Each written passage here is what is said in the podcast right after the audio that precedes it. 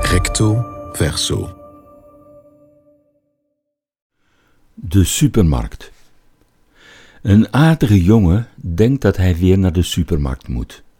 De smeerkaas is op en er liggen maar twee bananen in de fruitmand. Sinds de maatregelen aangekondigd werden, is een omgang met voedsel op een risicoanalyse beginnen lijken. Eten is noodzakelijk, maar is elke morgen een banaan eten noodzakelijk? Hoeveel risico op een virale besmetting wil hij lopen voor een pakje Maretsu Light, extra smeug? Het onderscheid kunnen maken tussen honger of zin hebben is uit de dieetsfeer getrokken en heeft plots maatschappelijke consequenties. Ze staan op anderhalve meter van elkaar, de aardige jongen en zijn medewinkelaars. Zwijgend wachten ze totdat ze de Deleuze binnen mogen. Ondertussen beoordelen ze elkaars kledij en uitrusting, niet als flaneurs, maar als hygiënisten. De eerste keer dat ze iemand met latex handschoenen zagen winkelen, moesten ze een gniffel onderdrukken. De tweede keer vroegen ze zich af of ze het niet ook zouden doen. De winkelaars hebben vertrouwen in de strepen op de vloer. Ze denken, de Deleuze, icoon van Belgische deftigheid, zal haar koelvakken wel genoeg ontsmetten. Wie weet hoe het eraan toe gaat in de Koolruit of bij die Nederlanders van de Albert Heijn. Boodschappen doen is in het kapitalistische Westen nooit een normale activiteit geweest, maar een mythische oerervaring. De supermarkt is de exemplarische site van consumptie en overvloed, van een homogene keuzevrijheid tussen twaalf soorten voorverpakte beenhesp. Hun rekken staan vol, die in de Sovjet-Unie waren leeg.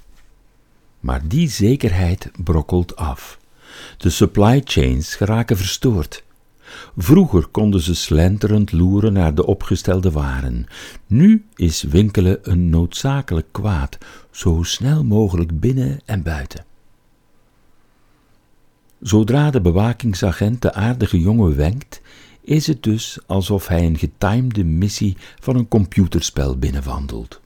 Hij scant de ruimte voor andere spelers, potentiële gevaren, mensen voor wie hij zelf een gevaar vormt.